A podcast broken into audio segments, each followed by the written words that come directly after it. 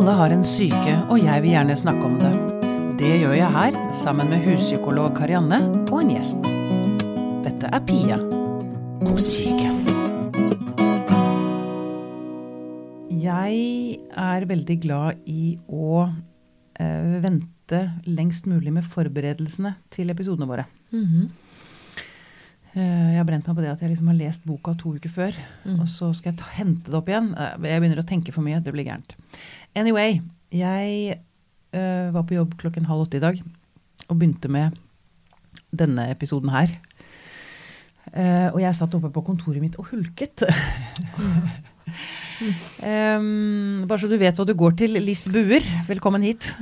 Takk. Nå begynte jeg nesten å grine selv. Ja, jeg òg. Gjorde faktisk det. Så begynne denne episoden med å grine. Det Ja. er litt uheldig. jeg vet ikke. Eh, nei, nei, ja. Uh, vi får se. Jeg um, uh, Skal jeg være litt rasjonell og ordentlig sånn til å begynne med. Du er forfatter og journalist, Liss. Ja, Ja.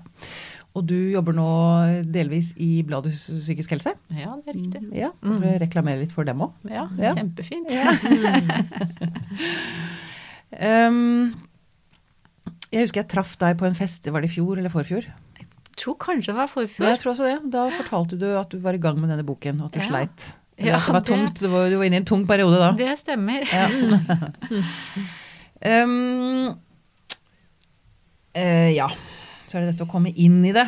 Um, jeg lurer på om jeg skal lese litt igjen, jeg. Bare helt fra begynnelsen av boka. Hvor kommer du fra, mamma? En kveld på slutten av 90-tallet. Hvorfor ser vi sånn ut? Ikke noe svar. Hvor kommer du fra, mamma?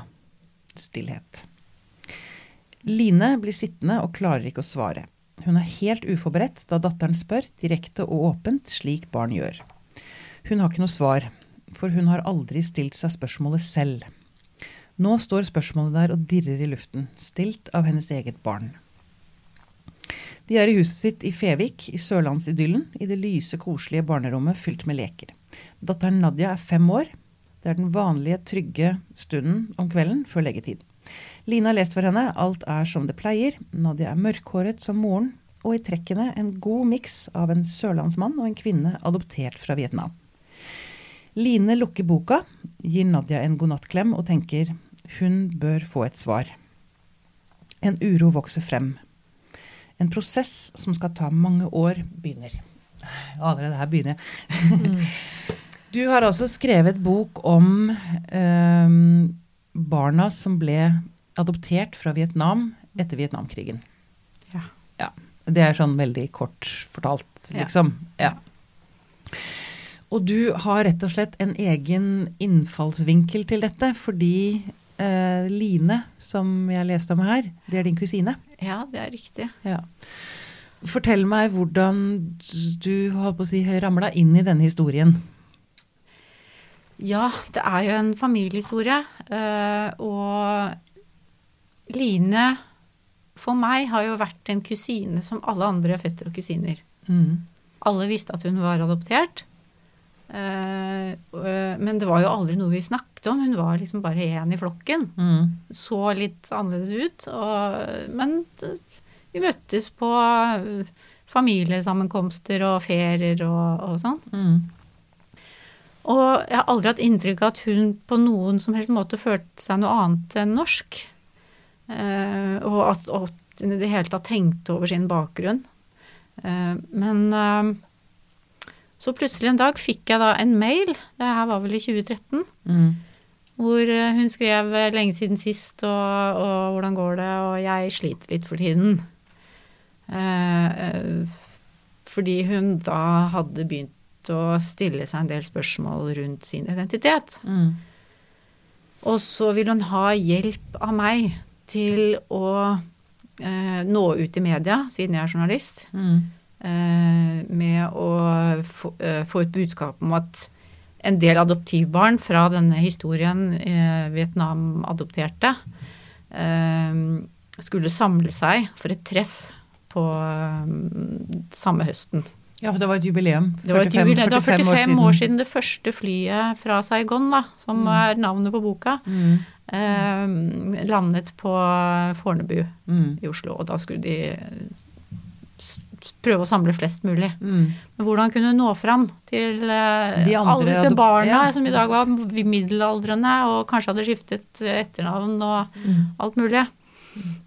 Eh, de bodde jo overalt. Fra Senja i nord til eh, Sørlandet, Vestlandet. Mm. Og da fant vi vel ut at det jeg kunne gjøre, i hvert fall, var å skrive en reportasje om, om eh, Lines historie.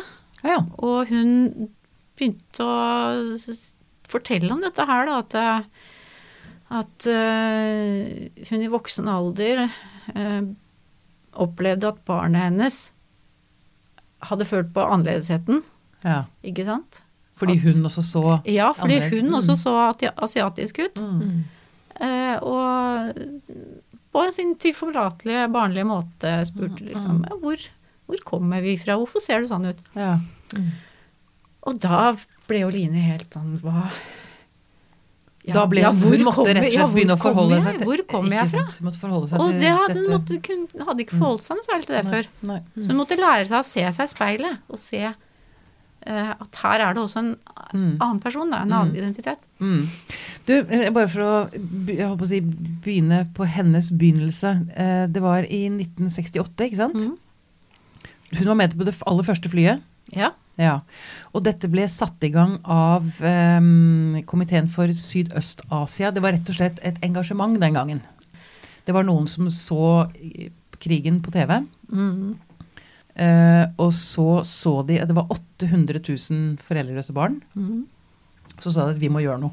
Mm.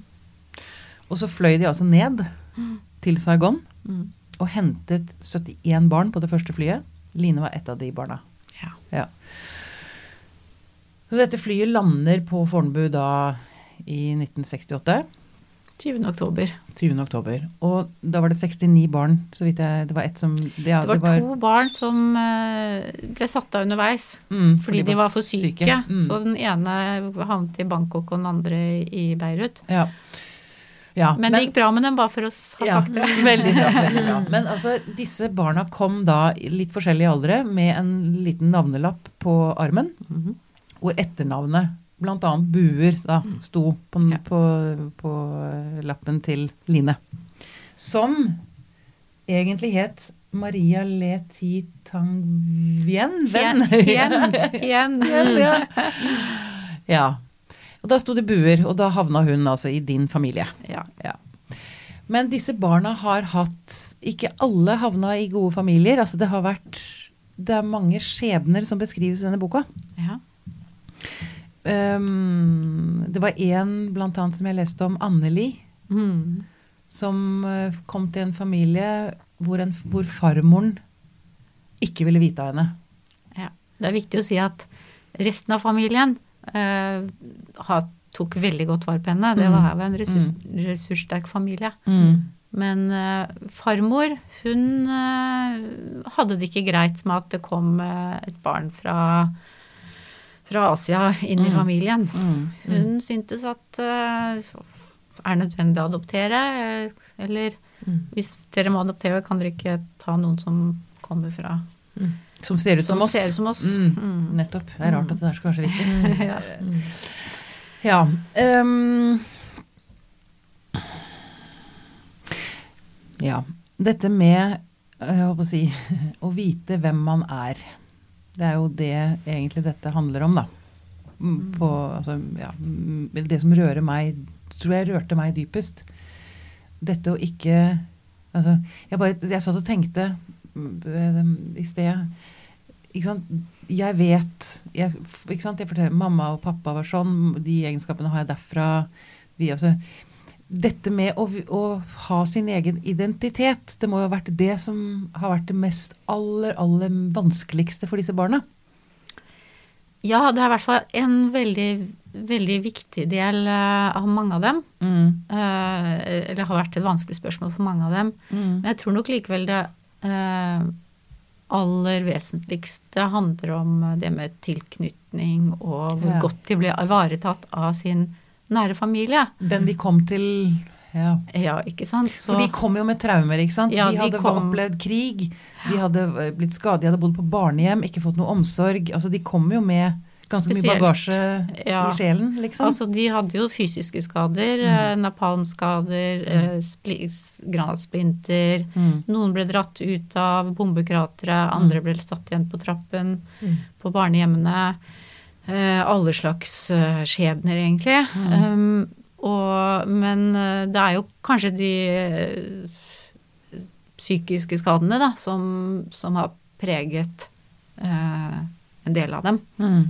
Så dette med tilknytningen, hvor viktig det er å ha en nær omsorgsperson de første, første sårbare tiden av livet, da. Det kan jo sikkert Mm. du Mm. Uh, Ja da, vi skal snakke mer om det. Jeg skal få inn Karianne nå snart. Jeg må bare liksom prøve å Vi favne kan- vi kan ikke- historien. Ja da, ja. Det er det som er med dette her, at det er så er- mange lag. Mm. Og det var noe av den grunnen til at jeg den gangen vi traff hverandre på fest, så Mm. Mm. hvordan jeg skulle klare å liksom løse Fortelle dette fortelle alle disse sidene. Som jeg ville, og jeg ville så gjerne ha med så mye òg, ikke Mm, sant. mm. Så, så det har jeg strevd med. Men uh, um, Og man skal ikke liksom rangere de utfordringene som adoptivbarna har. Men klart at identitet er et stort og viktig spørsmål. Mm.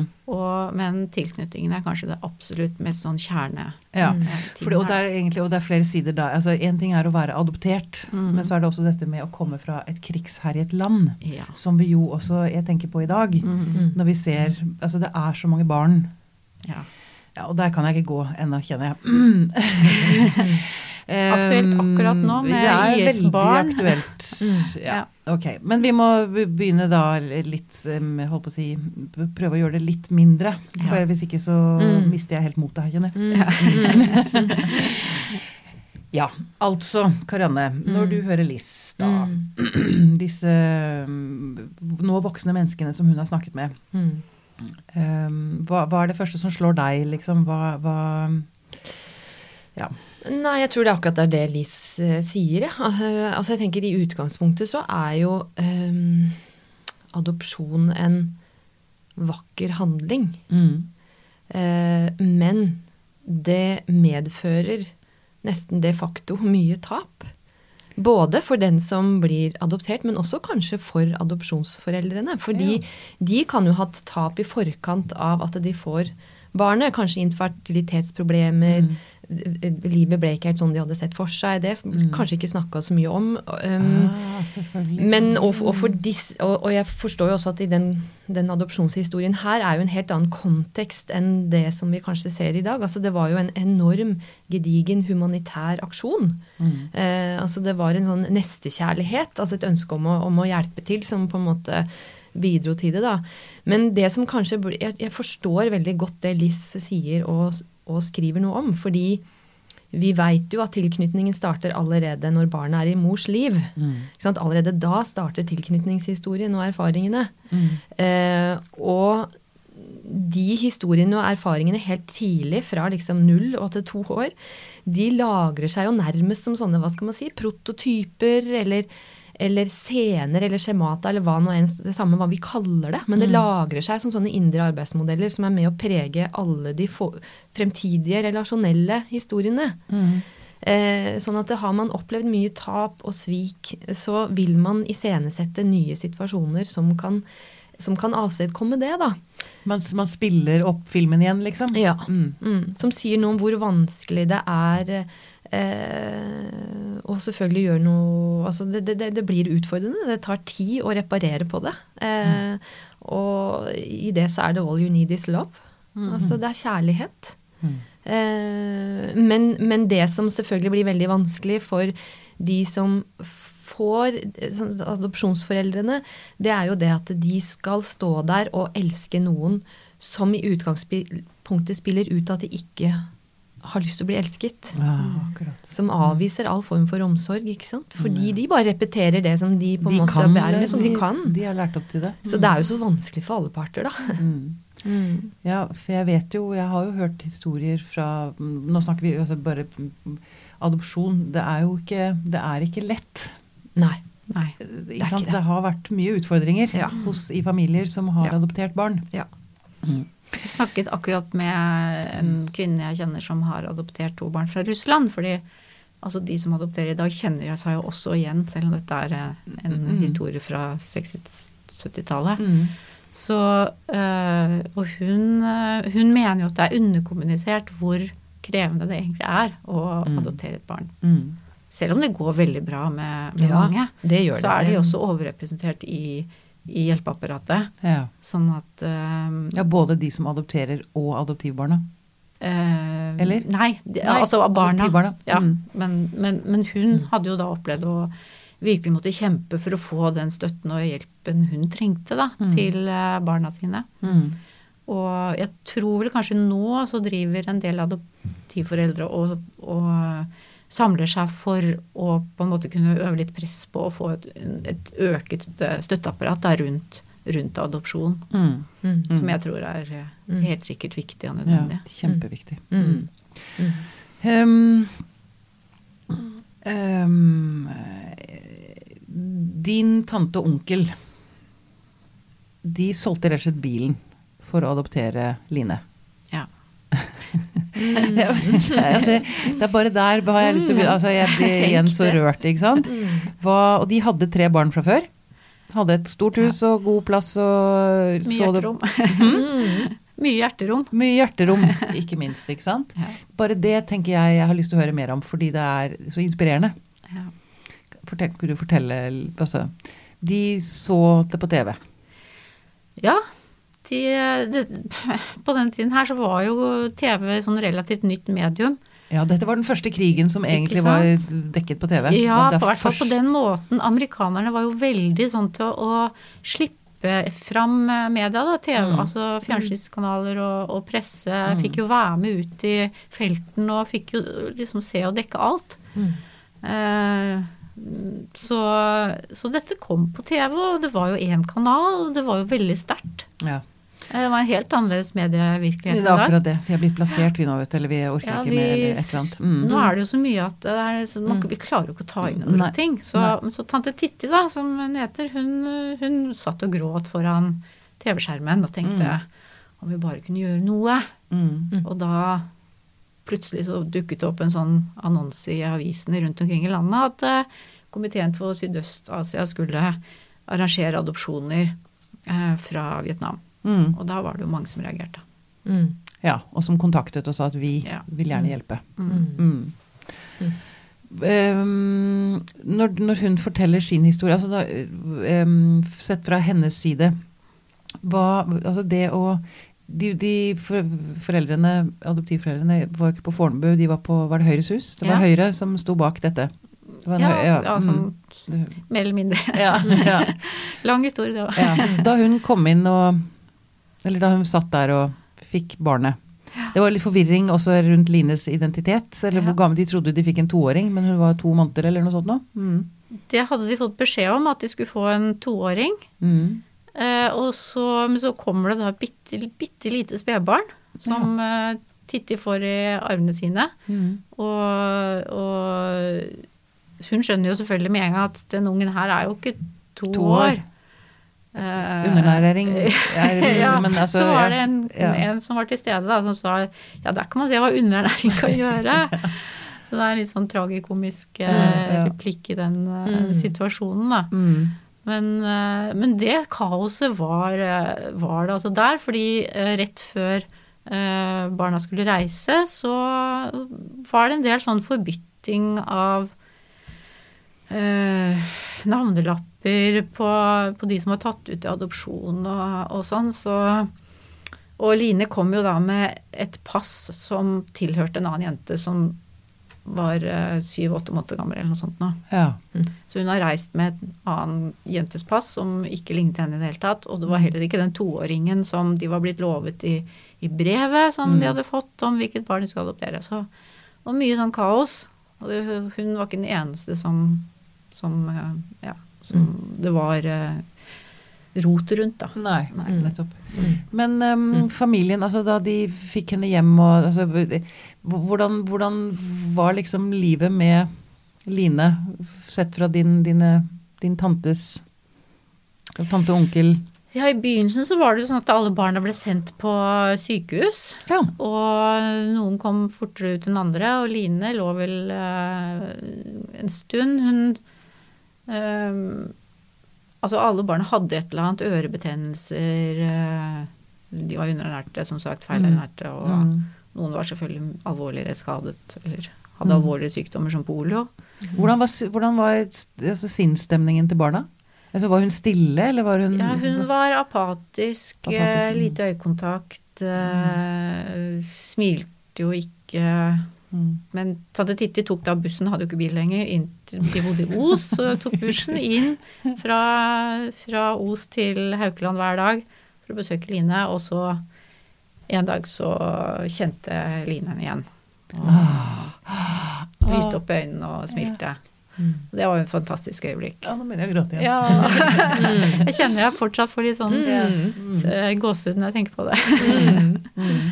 Så vokste hun da opp, og, og det var en del ting som hun eh, mm, For eksempel hun var redd for flymotor, Ja.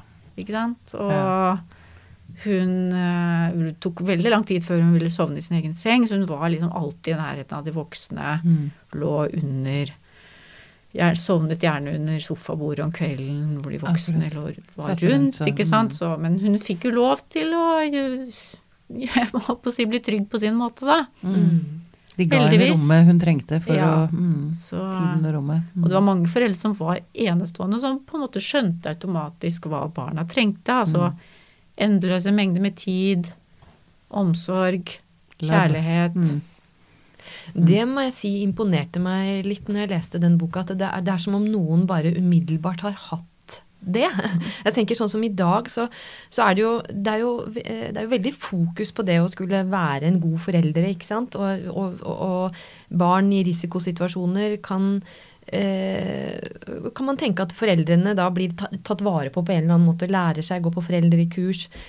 Altså Det systemet fantes jo ikke rundt disse foreldrene den gangen. Og så er det noen som bare allikevel sånn umiddelbart har forstått hva kjærlige handlinger er. Hva kjærlighet er. Jeg holdt på å si, Er det ikke sånn i dag òg? Altså, du kan gå så mange kurs du vil, men hvis ikke du har det i deg, så kan du altså, Du kan ikke lese deg til kjærlighet, liksom. Nei, men, men, men vi, det er jeg enig i, samtidig som vi liksom må ikke gi opp håpet om at vi kan eh, At man kan, man kan virkelig eh, prøve, da. Ja, jo, At man ønsker, ikke sant. Ønsker å prøve å få det til. Og i forebyggingens navn så må vi tro på det litt, på en Nå er jeg kanskje litt vel pessimistisk her.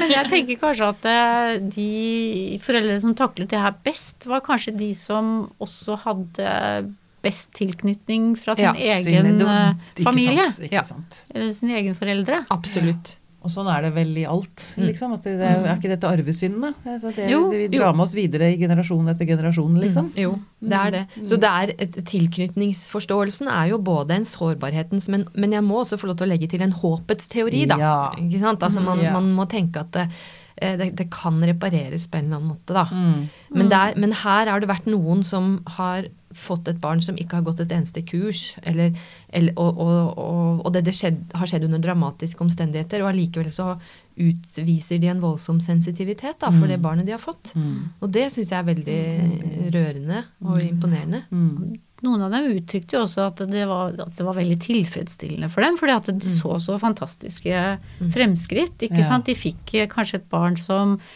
som, var, eh, som var som en sånn eh, omklamrende Mm. liten apebaby som bare hang på dem døgnet rundt, ikke sant? Og, og, og så plutselig så begynner de liksom å bli mer selvstendige, og så syns de det er kjempekoselig å sitte og se på dem spise masse graut, ikke sant, for de var jo kjempetynne og underernærte da de kom, ikke sant, så de, det var bare De følte det som en veldig bra ting, da. Mm. Og, og liksom se at barna blomstra opp. Mm. Ja. det er jo Og de snakket, de, det de snakket om, var at de restarta barna.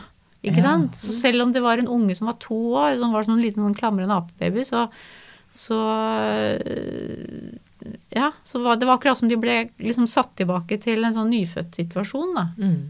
Ja, men Det er vel ikke uvanlig, Karane, at nei. man rett og slett blir Nei, det, Det- er ikke uvanlig i det hele tatt. Det er jo noen i sånn Men det tror jeg etter hvert blitt litt omstridt. Men uh, det er jo en, altså en metode man har tenkt kan virkelig være helende, er jo dette med holding. Altså at, uh, ikke sant? Altså at barnet blir holdt. Og man har jo hørt historier om, om barn som har blitt holdt rundt til de er 14-15 år. ikke sant? Fordi eh, når de da blir omsluttet, så er det en måte å gjøre de trygge på, og trygge for verden, og også at de kan, da kan mm, gjennom det utforske verden. Ja. Så det, men eh, det, Det, det er omstridt. ja, fordi det er, jo, sant? det er jo noen som mener at man skal eh, ikke sant? Sånn I, i utagerende situasjoner for eksempel, så skal man bare holde, holde, holde. Og det, altså det Kan nesten Det- bli tvangstrøye. Ja, altså, man skal være sensitiv da, Ja, for, det for sånn. det. Men, Mm. men den der hold, altså det å pakke barnet inn tidlig, da, mm. det kan være helende. Mm. Men jeg tenker at det kan være litt sånn uh, Uten at jeg kjenner Mm. sånn holdingteorier og sånn, så handler dette her veldig mye om å bli holdt da, fra, Ja. Fra de kommer og er adoptert og blir holdt og være trygg opp gjennom barnehage, Mm. skole. mm. så er Det er to ting. Altså, Ja. En ting er å bli fysisk holdt, og så Ja. er det dette med å bli holdt, altså at sinnet Ja. ditt blir holdt. Uh, Ja. ja. Og at samfunnet holder litt òg, tenker jeg. Samfunnet. Mm, At, du, mm. ja, at man liksom forstår uh, ulik bagasje da, Mm. eh, hos eh, mange mennesker som strever. Ja, ja. Nå havner jeg litt langt ute. Ja, ja, men eh, sensitivitet er vel kanskje ordet her, tenker jeg. Men jeg har lyst til å gå litt videre, fordi en, altså dette med å finne identiteten sin Noen av disse eh, altså, hadde jo vietnamesisk mor, amerikansk far, og så havna de i Norge. Og det er klart, å, å gå tilbake og da prøve å forstå hvem man er på en eller annen måte. Hvordan var det med Line? Eh, For henne så eh, ble Altså hun, hun bestemte seg da hun var i gang med denne prosessen da, med å prøve å finne ut hvem hun var, så bestemte hun seg for å reise ned til Vietnam. For Mm. at hun tenkte han kanskje ville få svar på noen spørsmål der. Eh, eh, Men det som skjedde, det var at hun reiste med hele familien sin, og de var ute på en flott tur og, og, og sånn. Og så opplevde hun istedenfor å liksom finne et svar, så fikk hun bare veldig mange vanskelige følelser. Som Som sorg, sinne, savn. Hun følte at eh, det var her jeg, det er her jeg hører til. Altså, det, Ja, jeg er her er, nå er jeg blant Dette. mine. Og, Hun kjente at hun liksom landa hjemme, Ja, men liksom. her liksom Mm. følte at det var noe som var blitt tatt fra henne, da. Ja. Mm. Um, og hun ble noe Hun ble, følte seg ikke noe bedre inni seg. Da hun kom med, så fikk hun en skikkelig smell. Mm. Og um, men så er det jo Hun har jo da en, eh, fått hjelp av en psykolog som faktisk holder til der hvor hun bor, som heter Joakim Hårkle, som er eh, ekspert da på adopsjonstematikk. Akkurat. Mm. Eh, og han kunne jo forklare at eh, det hjelper egentlig ikke å reise tilbake dit du kommer fra, hvis du ikke har en sånn trygghet i deg selv, da. Og det handler jo mye av dette med identiteten om, ikke Ja. sant. Å Ja. kjenne hvor man er. Og dessuten så er det også sånn at det å reise tilbake til opprinnelseslandet, det kan da eh, trigge en del sånne følelser som, er, som det ikke er noe språk for. Fordi at det kan være lukter, lyder, ting Som, Som som, bare du, som sitter- ligger i underbevisstheten. som ligger i det der amygdala, Mm, som er den følelseshjernen. følelseshjernen, den der urgreia. Mm. Mm. Eh, og som, som man bare kjenner da, at eh, dette er noe som gjennomstår, og det kan jo være veldig smertefulle opplevelser fra altså før to måneders alder. Ikke sant. Mm. Det er førspråklige erfaringer Mm. Førspråklige, ikke sant. som er lagret i, i følelseshjernen. Som, Følelseshjernen. Og det er man ikke rustet for mentalt egentlig til å takle, kanskje? Nei, altså eh, det er jo mye å si om det, men jeg tenker sånn Vi skal eh, Det har kanskje vært en litt sånn romantiserende forestilling om at eh, bare man kommer i kontakt med sitt biologiske opphav Hvis man er et adoptivbarn, så, så, så vil det være helende, eller det vil være en kilde til, til noe som er godt og, og, og, og aksepterende. Men det er jo ikke nødvendigvis sånn. Og det så, så jeg, Vi er tilbake igjen, synes jeg, som vi snakker mye om her. altså at det, Man skal ikke umiddelbart forstå hva det er man har foran seg når man hører at noen er et adoptivbarn. De er forskjellige. Ja. De har forskjellige historier, de har forskjellige erfaringer. Forskjellige minner i amygdala på Ja. forskjellige celle, ja, ikke sant? Ja. Mm. Så no, for noen så kan det være godt, og for andre kan det bare være ytterligere problematisk. Mm. Man må ha en res dyp respekt for det. Mm. Mm. Og det tenker jeg denne boken bidrar veldig til. Da. Altså forståelsen. Altså det, det er jo sant, Hun er jo, så vidt jeg skjønner, akkurat like gammel som meg. 67 eller 68, det var øh, Ja, Ja, hun Ja. er født i 68. 68. Jeg er født i 67. Mm. Og når jeg sammenligner liksom mitt livsløp med hennes da, Nå har jo hun hatt et fint liv, Absolutt. men allikevel det man, man bærer med seg, liksom. Eh, og andre også som er altså, i samme alder. Eh, det blir noe med, hvis vi nå drar tilbake til vår tid, da, og, og det vi ser i media, altså krig altså, Fremmedfiendtlighet, altså barna som lider. Eh, Vi skal ikke ta imot innvandrere på gullstol. altså jeg, jeg, Der igjen blir jeg så opprørt at jeg Ja. Eh, det tenker jeg også er en veldig viktig, et viktig budskap i denne boken. Mm. Altså det engasjementet man hadde den gangen, Mm. som vi ikke ser nå lenger. Det er også litt provoserende, kjenner jeg. Og at jeg ikke er mer engasjert. altså jeg, Dette er ikke noe anklage egentlig, annet enn til meg selv. Ja. Men det, Det, det, ja. å, det blir så håpløst òg. Jeg merker jo at det siger inn en sånn Shit, hva, men hva skal man gjøre, liksom? Det er så vanskelig å ja, Det er jo veldig vanskelig å hjelpe annet enn å gi penger til hjelpeorganisasjoner. Liksom. Vi kan ikke leie et fly lenger og dra ned og hente barn. Det, det tror jeg ikke er mulig. Eller ikke. selge en bil. Eller selge en bil for Altså, å det er jo- Ja, det går an å gjøre for å adoptere. Det er jo det er jo faktisk en del mennesker som er engasjert og holder på, da. Men Mm. akkurat det der det pågangsmotet som Mm. Disse unge menneskene, for de var jo mellom da 19 og 25 år, disse ungdomspolitikerne fra Komiteen for Sørøst-Asia. Mm.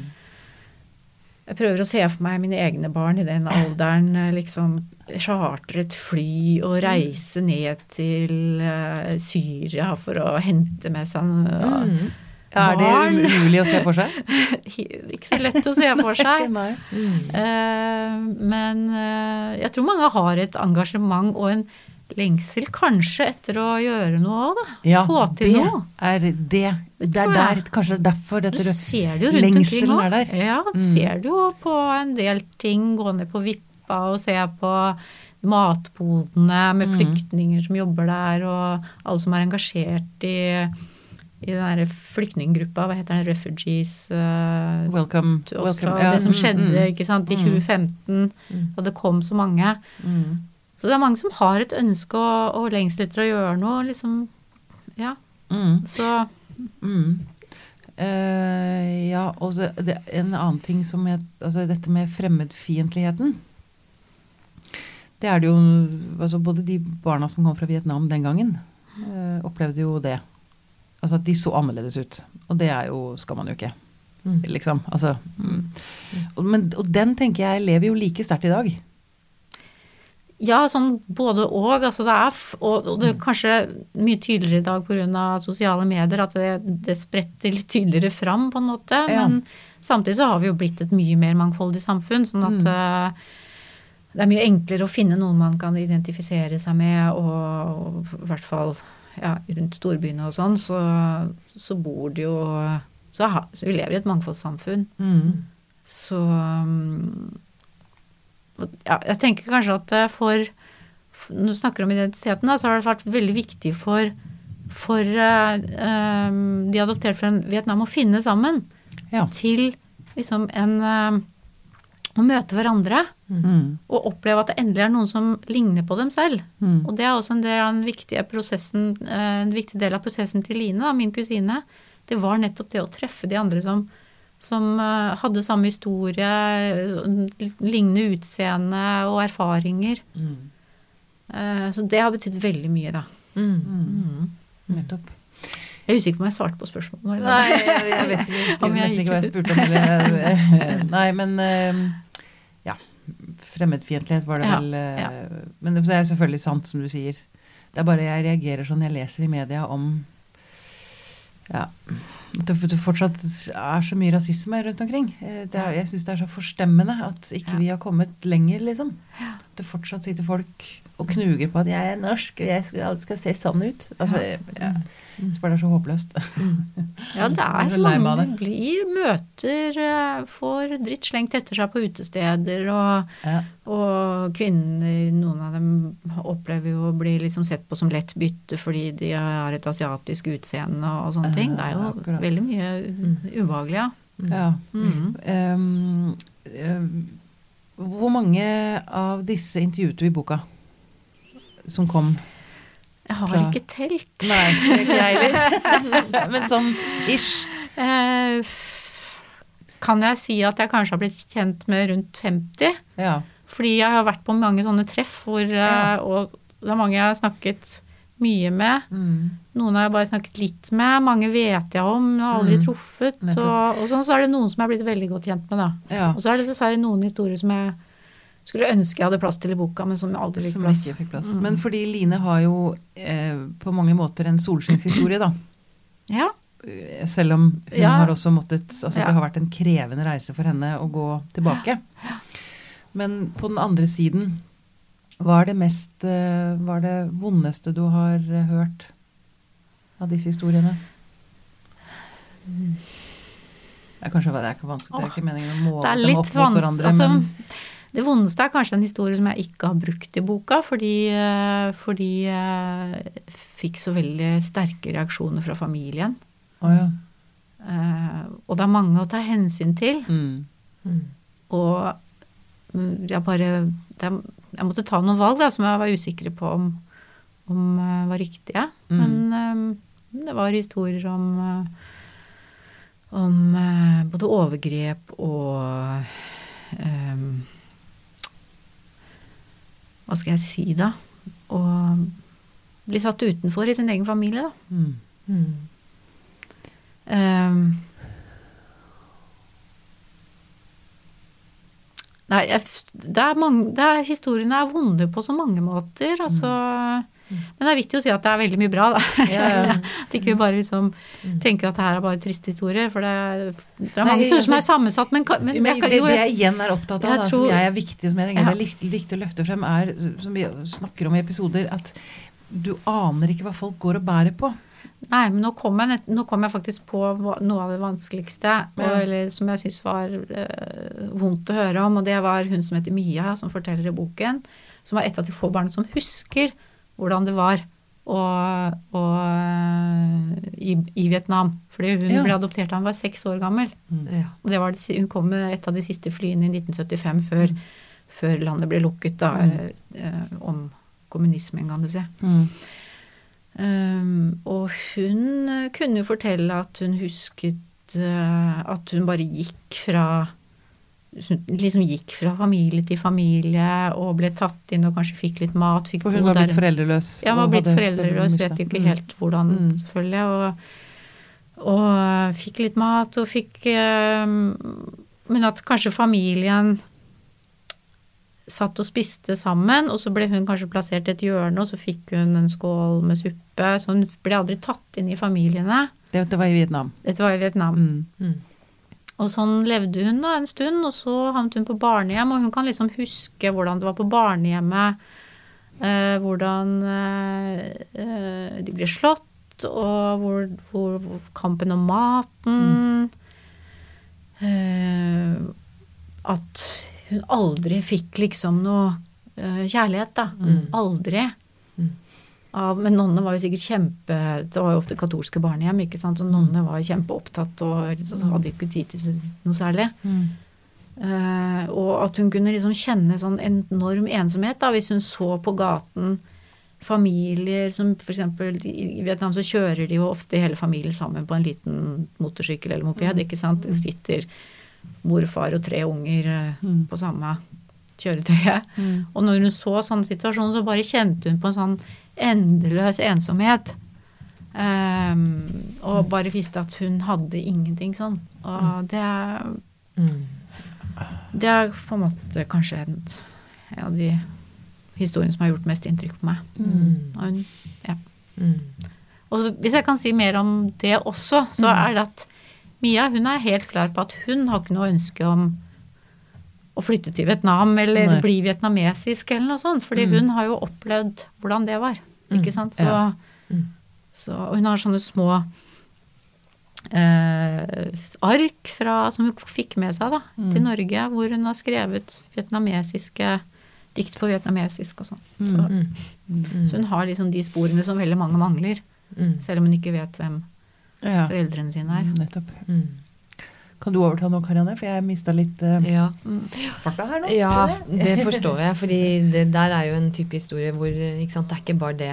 Det er ikke bare det at hun har mista omsorgspersonene sine. Det er ikke bare eh, et, et, et, et, et fravær av noen. Det er jo et nærvær også av mange krenkende opplevelser og, og overgrep. Så det blir, en sånn, blir et dobbelt traume, da. Ehm, som, som sikkert for henne og for mange av de som opplever det, ikke sant? De, de, de strever med selvfølelse, selvbilde. De strever med identitet. De strever med affektregulering. De strever med i relasjonene. Det, blir, det får et sånt litt sånn stort, komplekst bilde kan bli, da. For de som opplever akkurat de erfaringene der. Mm. Krevende tilknytningshistorie å bære med seg. Mm. Mm. Men du, Liss, hvis du skulle ha et ønske for boka di Altså um, hva, hva ville du ønsket at den holdt på å si, gjorde for samfunnet? for å gi deg et litt stort Ja. spørsmål på slutten her. Jeg skulle ønske at eh, At man eh, Hva er det som sa du skal ikke tåle så inderlig vel den urett som ikke ramler, ramler deg selv, rammer deg selv. Mm. Var det Øverland? Eh, Det er noe med det at når man nå hører den debatten om IS-barna, eh, den retorikken rundt debatten om man skal liksom hente dem Dette er jo norske statsborgere, de barna, da. Mm. Men så er det sånn at nei, de barna de har jo foreldre som har gjort noen veldig dårlige valg. Så da tenker jeg at da blir de litt sånn annenrangsborgere, da. Mm. Og tror det er mange som kanskje opp, som opplever det sånn i Norge. De er litt annenrangsborgere. At kanskje en del um, Les boka til han derre Seshan Shakar. Ja. eh, som Um, Tante Ulrikkes vei og mm. annengenerasjons eh, Mm. innvandrergutter. Mm. Hvordan de på en måte aldri blir bra nok og, og, og kanskje ikke blir tatt imot og ivaretatt av samfunnet, eller holdt, hvis man kan bruke det uttrykket. Mm. Så hvis disse fortellingene liksom kunne si noe om hvordan vi som samfunn kan eh, omfavne også de som er fremmede, eller de som kommer, kommer hit som flyktninger, og som har mista alt. Mm. Vi er jo så fordømt rike. Mm. Kan man ikke bare vise Vi litt? har det, ja, ikke sant? Vi har det jo så Mm.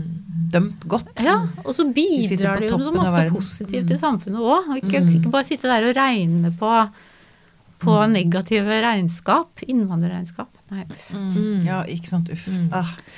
Ja, men eh, Det er ikke så ofte jeg gjør men jeg, jeg har bare lyst til å anbefale en Netflix-serie som jeg ramla inn i Mm.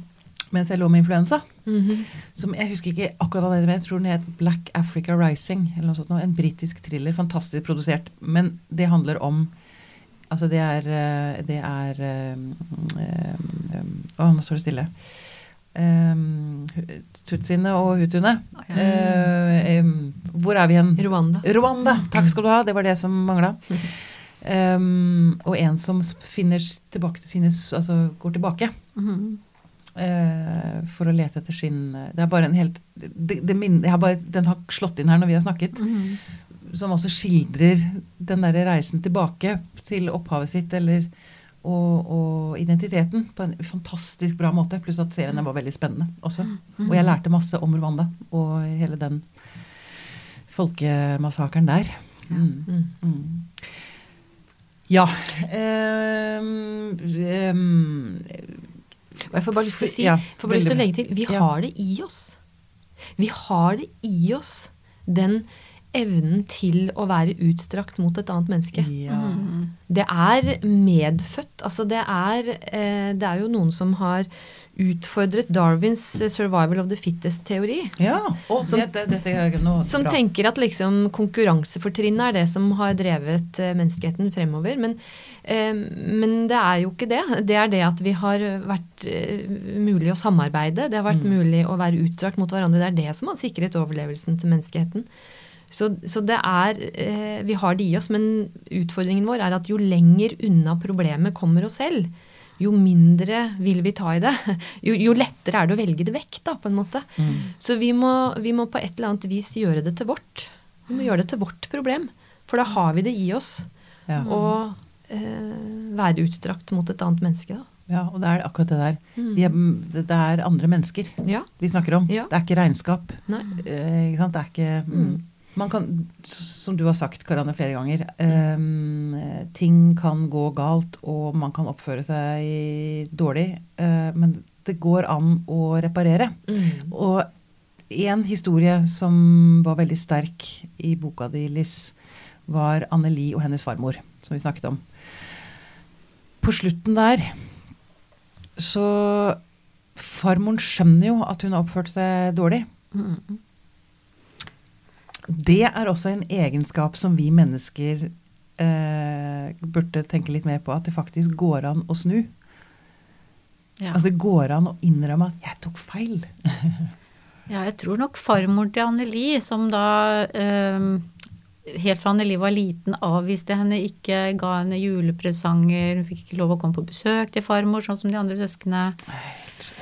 Eh, ganske hjerteløse ting. Eh, men da farmor ble gammel og syk, så, så begynte hun å angre seg. Mm. Og, og Anneli kom og besøkte henne på sykehuset. Mm. Eh, og de to fikk plutselig en eh, ganske god eh, kontakt, og hun kom opp under dyna til farmor. Mm. Og så endte det jo da med en, en, en ganske sterk forsoning, da. Mm. Eh, så det er litt sånn som eh, Ja, nå Her, uh... Ja, det går an, og, og, og det er viktig å si uh, unnskyld. Nå sa vel ikke aldri hun direkte unnskyld, men hun skrev et brev, farmoren. Farmoren. som, eh, som uttrykte at hun hadde oppført seg dårlig. Ja, og det skrev jo hun, så vidt jeg husker, lenge før hun ble syk. Altså, Det var ikke helt på slutten hun skrev det? Eller, Ikke helt på slutten. eller testamentet også. Hun Et- Det var også et testamenterte testamente der. Hun ga Ja. alle pengene Mm. sine til Anneli eller Anneli. Mm. Ja. Mm. Mm. Mm. For jeg tenkte, så du, Karianne Mm. eh, Forsoningen, det er så viktig å huske på. Mm. Eller at, å, å se det Mm. og oppleve det, at det går an. Mm. Ja. At, at vi har det i oss, det òg. ja, det har vi. Det er, no, det er mye håp i det, da. Ja. Mm. Og ikke minst også eh, det arbeidet som farmor og der også må ha gjort, på en måte. Altså erkjenne at hun For det er jo noe å ta inn over seg at man faktisk har gjort feil. Mm. Erkjenne at man har gjort, vondt. Ja, gjort Mm. noe urett. Mm. Eh, at det også går an for, å gjøre det. Jobbe med det aktivt. Mm. Ja. For det har så stor effekt på andre når det blir eh, erkjent. Ja. Mm. Det, er en, eh, det tenker jeg er en bra oppfordring til alle folk der ute, Mm. egentlig. Oss alle. Mm. Jeg tenker jo det at historien deres forteller noe til, altså ikke bare om adopterte, men Ja. om, eh, om mange spørsmål og store temaer. Mm, Eksistensielle, eksistensielle Mm. temaer som er hos alle. Mm. Men det blir satt litt på spissen Ja. av den historien de har. Mm. Mm. Mm. Veldig bra. Mm. Liss, er det noe du har lyst til å legge til på slutten? Noe du føler du har brent inne med? Eh, nei. Eller Det er så mye. Den Ja, historien er, så stor, så det er alltid litt sånn vanskelig å Ja. skulle Ja. det, ja. Ja, ok, Hvis du um, har lyst til å bli beveget, hvis du har lyst til å grine ganske godt, så les boken 'Flyet fra Saigon' av eh, Liss Buer. Tusen takk. Tusen takk for at du kom til oss. Det var veldig fint. Veldig bra.